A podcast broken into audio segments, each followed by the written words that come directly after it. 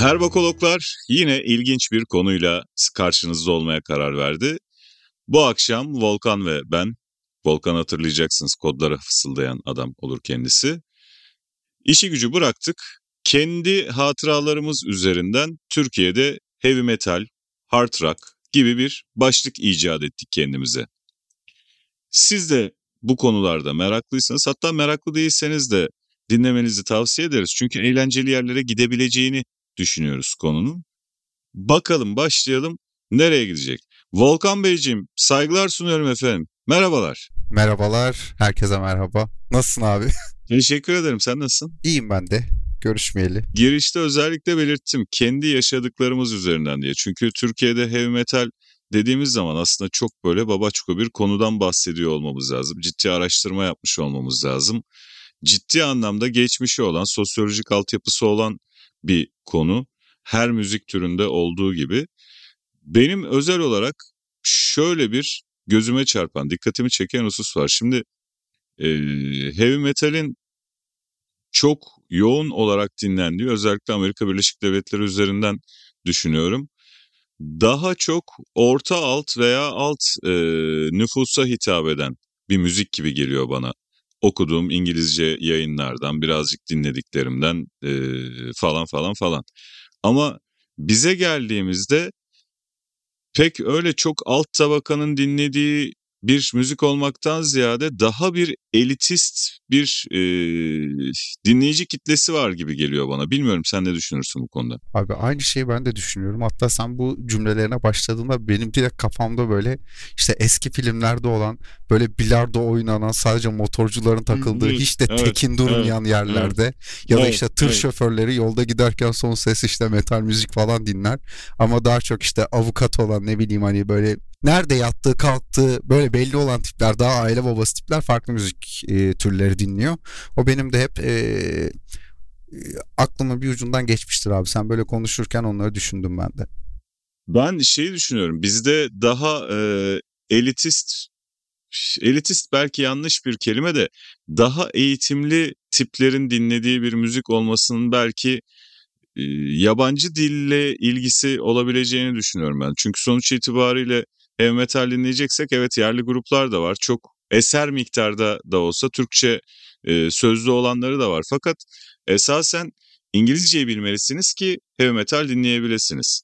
O ruha girebilmek için İngilizceye en azından şarkı sözlerinin sizi havaya sokmasına yetecek kadar hakim olmanız gerekiyor. Bunun etkisi var gibi geliyor bana onu bilebilmek için de o seviyeye gelebilmek için de benim neslim son kuşaktı Seninle aramızda belki çok yaş farkı yok ama sizin nesilden itibaren artık işler değişmeye başladı. Yani bizde ilkokuldan sonra Anadolu Lisesi sınavına girilir. Anadolu Lisesi'ni kazanan zengin fakir diye bir ayrımı yok. Bir şekilde o İngilizceyi öğrenirdi. Ama ondan sonra sistemin değişmesi, Anadolu liselerinin sadece lise özeline evrilmeleri İngilizcenin öğrenilmesini de çok zor bir hale getirdi. Zaten kolay değil bir yabancı dil öğrenmek. Daha da zor bir hale getirdi. Dolayısıyla daha şanslı bir azınlık yabancı dil öğrenebilir hale geldi. Belki bunların hepsinin bir bağlantısı var. Ee, geçenlerde e, Ankara heavy metali üzerine bir belgesel seyretmiştim. Sevgili kardeşimiz Beko'nun tavsiyesi üzerine. Ee, Ankara Rocks, Grey Not Black. Ha, hep karıştırıyorum. Siyah değil gri ya da gri değil siyah öyle bir şey evet, olması lazım. Evet, evet öyle bir şey. Şimdi Ankara'daki eski grupların temsilcilerine baktığımız zaman abi oturuyor işte doktor bilmem kim, dahiliye evet. mütehassısı. İşte ne bileyim ben bilmem kim adamın CV'sine baksan herif şu anda bilmem hangi bankanın e, genel merkezine bilmem kaçıncı katta çalışan. Yani şey tipler değil, ortaokul mezun tipler değil. Senin dediğin gibi bizdekiler beyaz yakalı ama tabii ki genelden bahsediyoruz. Yurt dışındakiler daha bir Mavi yakalı hatta yakasız falan tipler. Benim bu çok dikkatimi çeker mesela heavy metal özelinde. Türkiye ve Batı dünyasını karşılaştırdığımız zaman. Yani doğru söylüyorsun. Aslında baktığın zaman e, hani metal müziği ya da rock müziği sevmek için o enstrümanları böyle algılamak gerekiyor. İşte of adam ne riff atmış, Tabii. of davulcu nasıl çalmış, işte vokale bak nasıl inceltiyor sesini, nasıl falsetolar atıyor falan gibi böyle e, teknik şeylere girip de biz değerlendiriyoruz. Ama ben hep şeyi düşünüyorum. O Amerika'daki kamyoncu onu hani beğenirken, severken ne düşünerek beğeniyor? Sadece sözleri odaklı. Mesela bizim burada Serdar Ortaç dinleyen adam ya ritmini beğeniyor. Hani yani varsayımsal konuşuyorum aslında. Kimseyi kırmak Tes, değil niyetim. almaz evet, evet. diyerek. İşte sözüne bakıyor. İşte sözleri ona çok anlamlı gelmese de çok catchy derler bizde. Hani insanı yakalıyor. 5 yaşındaki evet. bir insanın bile kolayca algılayıp e, ezberleyebileceği bir e, formülde yazılıyor genelde o tarz şarkılar. Acaba evet. Amerika'da evet. da öyle bir şey mi var? Hani onların aslında keçisi basiti 5 yaşında çocuğun algılayacağı şeyi o seviyede mi diye bazen beni düşündürüyor abi. Yani belli ortaklıklar muhakkak var. Ben lise yıllarımda orta 3 lise 1 falan böyle çok sıkı grunge dinlerdim. Ee, Nirvana etkisiyle işte Alice in Chains'tir, Soundgarden'dır vesaire.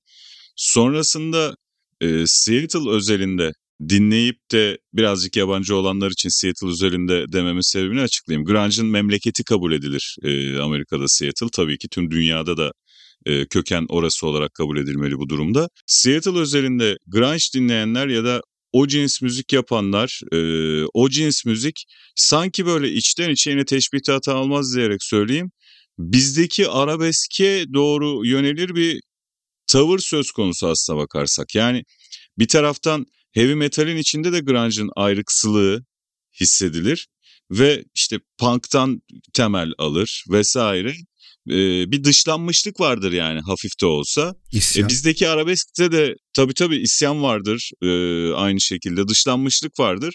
Böyle kafamdan olan İstanbul'u yeneceğim gibi bir şey çıkartırım. Bir ortak nokta çıkartırım kendi kendime düşündüğüm zaman. Valla doğru diyorsun ama şimdi düşününce böyle şarkıları falan ben yani arabesk kültüründe de tabii güzel aşk aşk şarkıları var. Hani tabii, balat tabii. tarzı Çok diyoruz güzel ya öyküler var. Tabii, Ama tabii, yani tabii.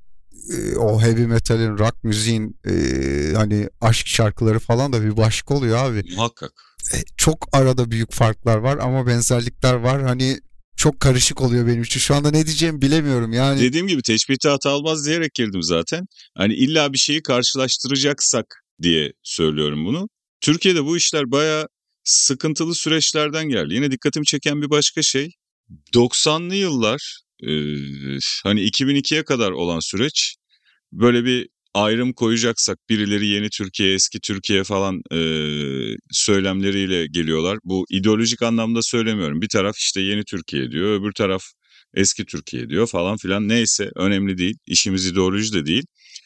E, 90'lı yıllar karşıdan baktığımız zaman, biraz yukarıdan baktığımız zaman daha farklı renklerin daha kolaylıkla öne çıkabildiği bir dönemdi.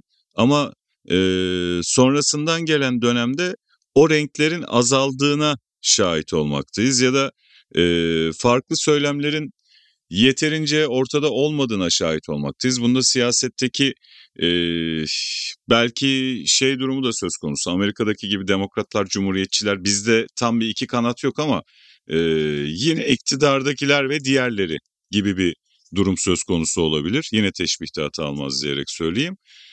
90'lı yıllarda heavy metal müzik dinleyenlerin, rock müzik dinleyenlerin üzerinde Türkiye'de daha ağır bir baskı olduğu kanaatindeyim ben. Aha haber kanalları evet ben de biraz hatırlıyorum. Ben daha küçüktüm ortaokulda falandım ama. Saçma sapan şimdi 80'lerin sonlarında 90'ların ilk yıllarında özellikle Norveç özelinde bir black metal furyası ortaya çıkıyor. Bunlar işte şeytana tapıyoruz biz, satanistiz biz falan diye çıkıyorlar. Kiliseyi diye, reddediyoruz. tabii kiliseyi reddediyoruz, saçı ters çeviriyoruz. Burzum evet. diye Norveç'ten bir e, grup çıkıyor ortaya. Count Krishnach olması lazım e, vokal. E, kilise yangınları falan var. Yanlış söylüyorsam düzelt. Vark Vikernes diye geçiyor ama ben e, dile hakim olmadığım için böyle söyleyeceğim. Basçı falan öldürüyordu adam. O gülüşü var böyle gülüşüyle e, tarihe geçen abimiz. Aşırı faşist bir tip aynı zamanda. Tabi bunlar kendi işlerini ciddi faşistler kilise falan yakan tipler. Ondan sonra tabii ki biz de kopyalıyoruz bunu ülke olarak. Birileri çıkıyorlar biz satanistiz diye İstanbul'da birkaç tane işte ayin yapıyorlar. Rivayet kedi kesiyorlar ayinlerde falan. Bunlar haberlerde nasıl sunuluyorsa, gazetelerde nasıl sunuluyorsa e, ben yaşadığım şehirde şehrin mecburiyet caddesi diyebileceğimiz yolunda ve hükümet konağı civarında yürürken ne zaman o bölgeden geçsem polisler durdurup birader kimliğini gö- görebilir miyiz derlerdi. Neden? Üstümde siyah ama hiçbir şey yazmayan bir tişört var. Sadece siyah tişört giydiğim için. Yani böyle saçma günler yaşandı. Ya benim hatırladığım kadar şöyle bir şey olmuştu. Kedi kesmeler falan neyse de sanırım 3 kişi bir kızı öldürmüştü ya. Baya öyle satanizm Evet, diye bir cinayet evet, olmuştu abi evet, benim hatırladığım. Evet, evet. Ee, zaten galiba onun üzerine patlamıştı hadise. Evet, İşte evet. Siyah, şey- siyah tişört giyen uzun saçlı kim varsa direkt karakola alıyorlardı. Öyle bir döneme girmiştik. Saçım da uzun değildi. Hani böyle e, yani cuma günleri namaza falan giden bir insandım. Çok ilginç. Namazdan çeviriyorlardı seni. Gel bakayım buraya. Hayır neredeyse. ya benim gittiğim camide üst katta normalde işte kadınlar mahfili olan kısımda Hı hı. 8-10 kişi tabii abilerimiz falan vardı böyle saçlar bellere kadar gelen harbiden simsiyah tişörtler simsiyah pantolonlar ya bunların farklı düzlemler olabileceği kimsenin aklına gelmiyordu herhalde. Maalesef abi. Yani o e, ön yargı korkunç e, bir noktadaydı diye bir, yani hatırlıyorum dediğim biraz hayal meyal benimki. İşte insanlar e, saç uzattı diye, küpe taktı diye, işte ne bileyim Evet, siyah tişört giydi diye falan e, inanılmaz zorluklar yaşıyordu. O dönemin de e, rockçı metalci abileri diyeyim e, bunun savaşını veriyordu. Yani sanırım Hayko da bunu anlatır. Hani siz bugün işte küpe takabiliyorsunuz, saçı uzatabiliyorsunuz ama bizim sayemizde gibi şeyler söylüyordu. Çünkü onlar zamanında ya dayak yediler ya kavgaya karıştılar e, saçları Tabii, uzun tabii, diye tabii, vesaire. Tabii, tabii, tabii. Yani zor zamanlarmış abi. Biz bilmiyoruz tabii. Biz istediğimiz gibi takılabiliyorduk. Yani çok e, ilginç zamanlardı. Bir Alman atasözü müdür? Almanlar bu İkinci Dünya Savaşı için kullanırlar. Birbirlerine beddua etmek için e, Tanrı seni ilginç zamanlarda yaşatsın gibi bir cümledir bu. Öyle zamanlardı. Yani İkinci Dünya Savaşı'nı onlar öyle addediyorlar. E, öyle garip tabii ki İkinci Dünya Savaşı'yla da karşılaştırılmaz da. Böyle garip bir dönem yaşandı geçti. Türkiye'de heavy metal hard rock deyince benim aklıma Milliyet gazetesinde yanılmıyorsam 1957 57 yılında yayınlanmış bir haber geliyor. Birkaç gündür arıyorum arıyorum bir türlü bulamadım o haberi. Görünce çok gülmüştüm ya altıma işiyordum neredeyse gülmekten. Ee, benim yaşadığım yer Turgutlu. Turgutlu'da geçen bir olay. Ee, Turgutlu'da işte X sinemasında rock and roll denilen bir müziğin konseri yapıldı. Konser derken plaktan çalıyorlar. İşte girişler şu paraydı, çıkışlar bu paraydı. Ee, konsere gelen tipler koltukları kırdılar. Birbirleriyle dövüştüler. İşte rock and roll deyip yuvarlanırlarken 3 kişi yaralandı, 5 kişi hastanelik oldu. Fa- öyle bir önyargılı bir haber haber uydurma bu arada yani çok net anlaşılıyor. Muhtemelen. Öyle bir olay olsa şe- şehrin hafızasından çıkması mümkün değil çünkü büyük bir toplumsal olay bahsedilen. O dönemin e, Turgutlusu'nun nüfusu 25 bin. Böyle bir eylemin gerçekleşebileceği bir ortamın olmadığı bir şehir. E, ama böyle bir haber uydurulmuş olsa da gazetede kendisine yer bulabiliyorsa demek ki en baştan itibaren yepyeni bir müzik türünün memlekete girişi e, rock and roll ve günümüz heavy metal arasında tabii ki dağlar kadar fark var ama e, çıkış noktalarında benzerlikler olduğunu düşünerek söylüyorum bunu veya benzer temellerden yürüdüklerini düşünerek söylüyorum. Hiç de kolay olmamış bu memlekete abi, yani. bu müziğin girmesi diyebiliriz o zaman. 57 demiştin değil mi bu şey için? Yanılmıyorsam konseri. 50, 57 olması lazım evet. Yani evet. şimdi düşünüyorum yani biraz daha geç gelmesi normal. Böyle Beatles gibi bir grup gelmiş olsa yani grubun e, şarkıları çalınarak bir konser yapılmış olsa böyle pogo yapmalar işte mosh Tabii, tabii, birbirlerini tabii, ezmeler falan tabii. olmaz mümkün değil. Biraz abartmışlardır. Yani en Tabii, fazla tabii, 57'de tabii, tabii. twist falan yapılır herhalde abi ne bileyim böyle pogo mogo yapılacak bir ortam çıkmaz yani. Hiçbir şey çıkmaz. O yıllarda böyle yine biz e, herbokologlarda daldan dala atlıyoruz. Milliyet gazetesine Turgutlu'dan haber uçuran ilginç bir leylek var. Öyle söyleyeyim. Yani birkaç yıl içerisinde dört başlı öküzler mi doğmuyor bu memlekette? Uzaylılar mı inmiyor? İşte e, ayağından kafası çıkan bebek ölümü doğmuyor. Ne haberler ne haberler. Yani ayrı bir antoloji yapılabilir belki. Kimdi o bunu, merhum? bunu bir ara konuşun yazan? abi çok güzel olur ya. Yani araştırıp bir programa ekleyelim. Ben merak ettim. Da o haberleri çıkartalım. bu, bu arada biz kayda girmeden önce de e, dinleyicilerimize dinleyen varsa bizi e, bir ilginç bir yeni bir bölüm konusu bulduğumuzu söyleyelim. İHA nasıl yapılmaz diye bir bölüm yapalım istiyoruz. Fant- fantastik şey diyelim müze kolektifinden fantastik projeler diye. Bence ha, daha veya güzel olur. o- e- evet daha güzel olur. bir, bir de şimdi sen İzmir'desin.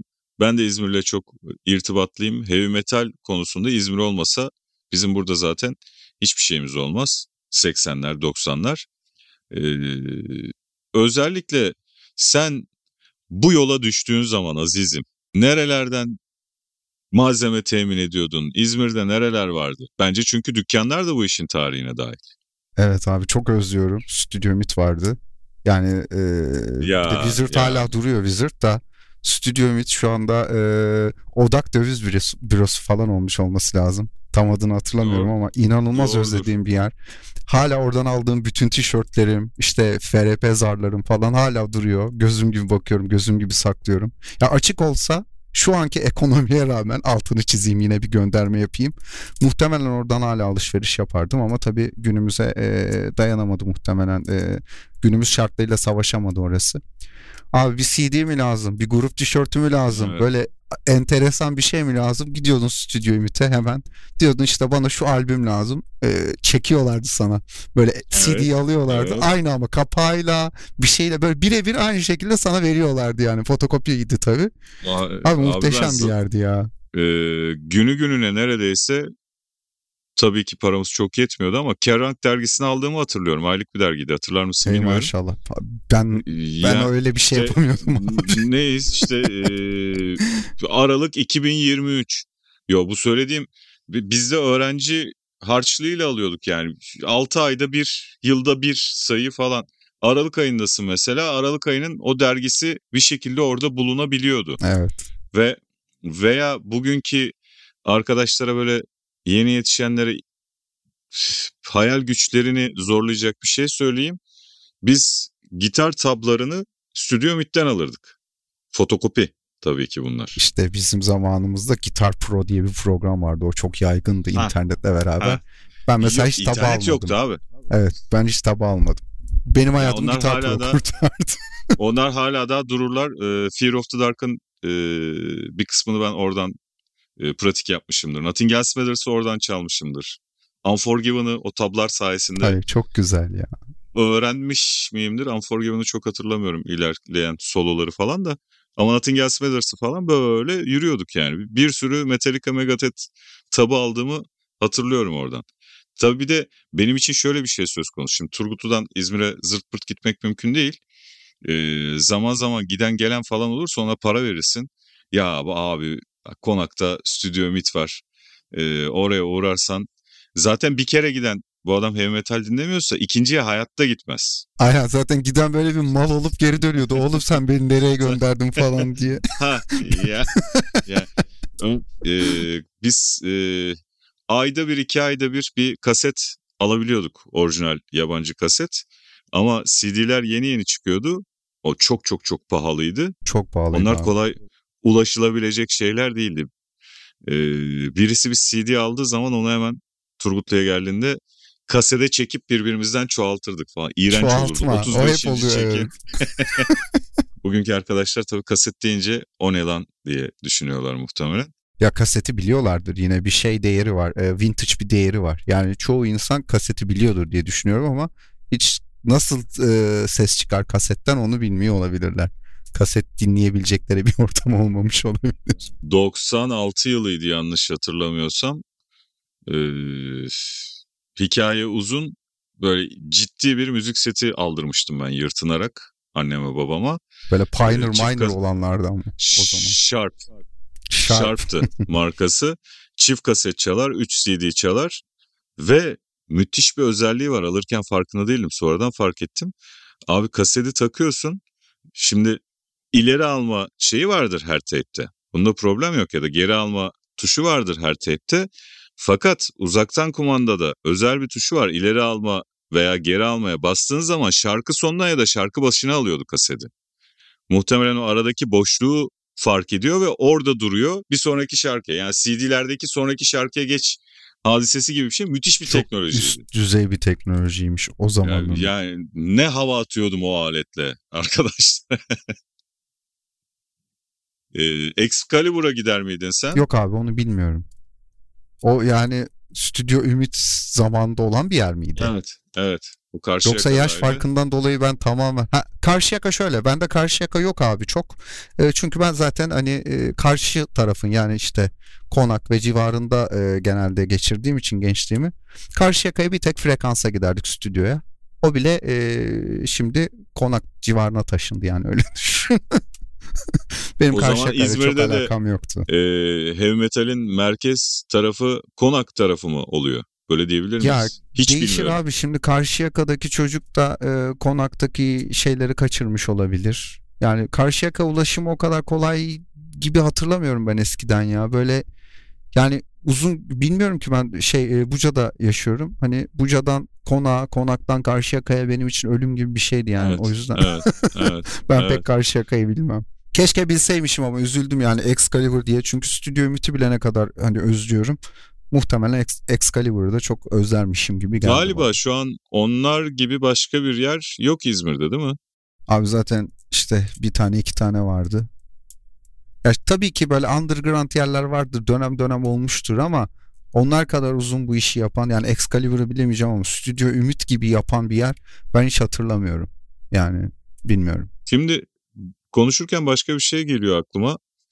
Ee, ciddi sıkıntılarla yani maddi imkansızlıklar çünkü o kasetler CD'ler çok pahalı işte tişörtler orijinal çünkü yani öyle merdiven altı baskı falan değil bunlar ve ömürlü Evet. ürünler. Bunları temin etmek kolay değil. Ee, para biriktiriyor öğrenciler bunları almak için falan. Ee, dolayısıyla bugünden baktığımız zaman bugün sanki bu işler çok daha kolay aslında ama ben başka bir şey yere getireceğim sözü. O günlerde biz e, çeşitli yayınlarla falan bu işi takip edebiliyorduk. Yani Rock Station'dı galiba bir program vardı 90'lı yıllar 2000'lerin ilk yılları falan. Ee, sonra birkaç tane dergi vardı. Bir Rock Kazanı diye bir dergi vardı önce. Sen hatırlamazsın çok da az bir ömrü oldu bu derginin. Valla ben bir Hammer İkincisi- müziğin çıkarttığı bir tane biliyorum ama sen belki sayınca aradan çıkar. Hammer müziği ben onu hatırlamıyorum. Benim uzaklaştığım dönem olabilir. Hammer müziği hatırlıyorum da onların yayınını yani dergisini hatırlamıyorum. Şebek diye bir dergi vardı. Bayağı uzun ömürlü bir dergiydi. E, Leman grubu yayınlıyordu galiba. Leman formatında bir dergiydi. Çok da kaliteli bir dergiydi. O da e, yani ciddi yazarlar e, vardı işin içerisinde. Lafı şuraya getireceğim. Bugün heavy metal dünyasında yaşananlardan, olanlardan, bitenlerden haberdar olmak o güne göre sanki daha bir zor. Aslında her şey daha kolayken veya işte yeni albümleri öğrenmek, yeni grupları tespit etmek belki bana özel bir şey. Ben çok uzaklaştım. Ondan dolayı kolay gelmiyor. Ee, ama yine de bu internetin hayatı kolaylaştırmasına rağmen, her şeyi çok daha ulaşılabilir hale getirmesine rağmen sanki o günlerdeki kadar kolay değil gibi geliyor bana. Öyle mi ben mi? Bana mı öyle geliyor? Abi ben de uzaklaştım açıkçası ama şöyle bir durum var. O zamanlar biz e, e, işin içinde olduğumuz için nereden ne bilgi edineceğimizi biliyorduk. Eminim şu anda da vardır. Doğru. Benim mesela eski çalıştığım bir firmada bir çocuk vardı kulakları çınlasın. İsmini de vermeyeyim yine de. E, şey adam bizden küçük 25 yaşlarında ama yeni çıkan underground ya da e, işte bilinen bir grubun metal şarkılarını bir yerden takip edip buluyordu. Hemen benimle paylaşıyordu. Abi şunu dinledin mi? Bak bu yeni bir şey çıkartıyormuş. Ben adamdan biliyordum. Ama şimdi tabii e, biz bilemiyoruz. Yani bizim e, kopmuş olmamızla alakalı biraz olabilir abi. Yani. Hayat gailesi, medar maişet derdi e, bu işlerden koparıyor. Çünkü Evet. heavy metal gibi bir müzik türü birazcık insanın hayat tarzı haline de gelmeye başlıyor ve e, nasıl diyeyim zaman ayırmanız gereken de bir iş uğraş oluyor belki. O zamanı ayırabilmek lazım. Gerçi bu hemen her şey için geçerli. Yani pul koleksiyonu yapıyorsanız ona da zaman ayırmanız lazım. Enstrüman çalıyorsanız ona da zaman ayırmanız lazım. Herhangi bir müzik türünde böylesine e, üst düzey merak sahibiyseniz ona da zaman ayırmanız lazım. Ama bizim yaşımızın büyümesi artık farklı bir çember içine dahil olmamız ne diyordu Can Yücel? Ya içindesindir çemberin ya da dışında kalacaksın. Öyle bir durum söz konusu sanki. Birazcık da tembelleştik tabii abi. Yani Spotify falan var. Ben mesela kullanıyorum. Yani bana yeni e, çıkanlar diye bir şey gelip verirse aa şu adamlar şunu mu çıkartmış diyorum. Mesela ka- liseden beri Katatonya dinliyorum. Son iki senedir Spotify lütfedip de bana Katatonya albüm çıkarttı derse aa albüm çıkartmış falan oluyorum. Yani biraz komik evet, oluyor evet. öyle yani araştırmayınca evet, olmuyor evet. abi. E, evet ben de Iron Maiden için aynı şeyi yaşadım geçenlerde. Ee, ve de hani Katatonya biraz daha geride kalan bir grup Iron Maiden'la kıyasladığımız zaman. Tabii. Onu haber bile yaparlar aslında ya. Hani o haberi de ama yani habertürk.com'da görmem pek mümkün değil. Yok ben Instagram'da falan dolaşırken belki görebilirsin ha, gibi ha. düşündüm. Y- yine işte takipte kalman lazım. Haber alabileceğin bu konuyla ilgili kaynakları takip ediyor olman lazım. Bir de ona da zaman ayırman lazım falan. Tabii tabii tabii. Maalesef. Demek ki belli bir yaştan sonra çok da kolay olmuyor bu işler. Aynen. Biz yine vakti bayağı ilerlettik üstad. Ufak ufak böyle bir kapanışa doğru yol alalım mı? Tabii abi sen de zaten kapanış açılış ben anlamam. İki kelimeyi bir araya zor getiriyorum genelde. Estağfurullah. böyle dediğine bakmayınız efendim. Kodlara öyle bir fısıldıyor ki çok yakın zamanda e, uçan bir şeyler üretebilir bu arkadaşımız. Üzerinde yapacağız abi her şeyi biz yazar. yapacağız. Mars'a gideceğiz e, onları yapacağız daha çok çok işimiz var. Efendim podcast'imizin bu bölümünde yine çok da fazla insanın ilgisini çekmeyecek ama bizim önemli olduğunu düşündüğümüz bir konudan bahsetmeye çalıştık. Kendi hatıralarımızı anlattık. Bu hatıralar sadece bizi ilgilendirmiyor olmalı diye düşünüyoruz ki hatıralar aslında her ne kadar anlatan ya da yazan kişinin kendisine aitmiş gibi görünse de bir dönemin ruhunu satır aralarında dahi hissettirebildiği için çok da öznel olmamalı kanaatindeyim ben. Umarız birilerine keyif verebilmişizdir şu 25 dakikalık 30 dakikalık süre içerisinde. Bir sonraki programımızda bambaşka bir program belki de fantastik fikirler gibi bir e, başlıkla karşınızda olacağız. Hepinizi en içten en kalbi duygularımızla selamlıyoruz efendim. Hoşçakalın. Hoşçakalın görüşmek üzere.